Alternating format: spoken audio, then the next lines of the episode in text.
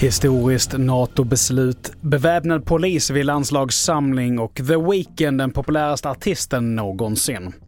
Det här är TV4-nyheterna som börjar med att minst en person har dött och över 30 skadats i en attack mot ett bostadshus i ukrainska Zaporizjzja. Det uppger stadens borgmästare.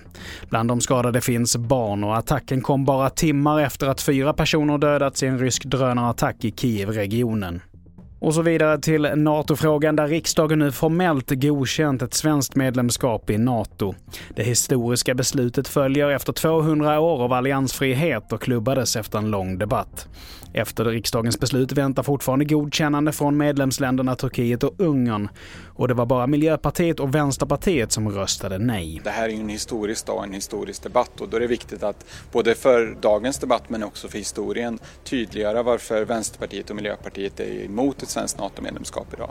Det handlar ju då om demokrati eh, och framförallt då krympande och bristande demokrati i Ungern och Turkiet som har blivit väldigt tydligt under den här processen. Först och främst är det ju helt klart att NATO består av medlemsstater där alltså en mycket klar majoritet är fullvärdiga demokratier utan några problem.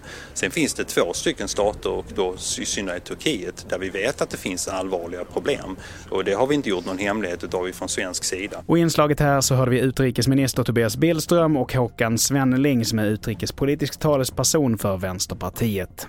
Så vidare till Solna där tungt beväpnad polis fanns på plats efter att en hotfull man tog sig in på landslagets samling på Friends Arena. Och så här säger vår reporter Olof Lund på plats. Man har eh, stoppat någon man som var på väg in. Eh, han kom in till där man måste börja visa akkrediteringar. Det vill säga han kom in i, i garaget och eh, där stoppades och tillkallade polis och han omhändertogs och man undersöker nu de här väskorna. Han har uttalat någonting hotfullt med religiösa inslag. Eh, det har lett till att eh, ja, vi är inlåsta i arenan. Och till sist, The Weeknd är världens mest populära artist enligt Guinness rekordbok.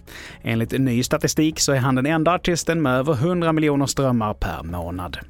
Fler nyheter hittar du på tv4.se. Jag heter Mattias Nordgren.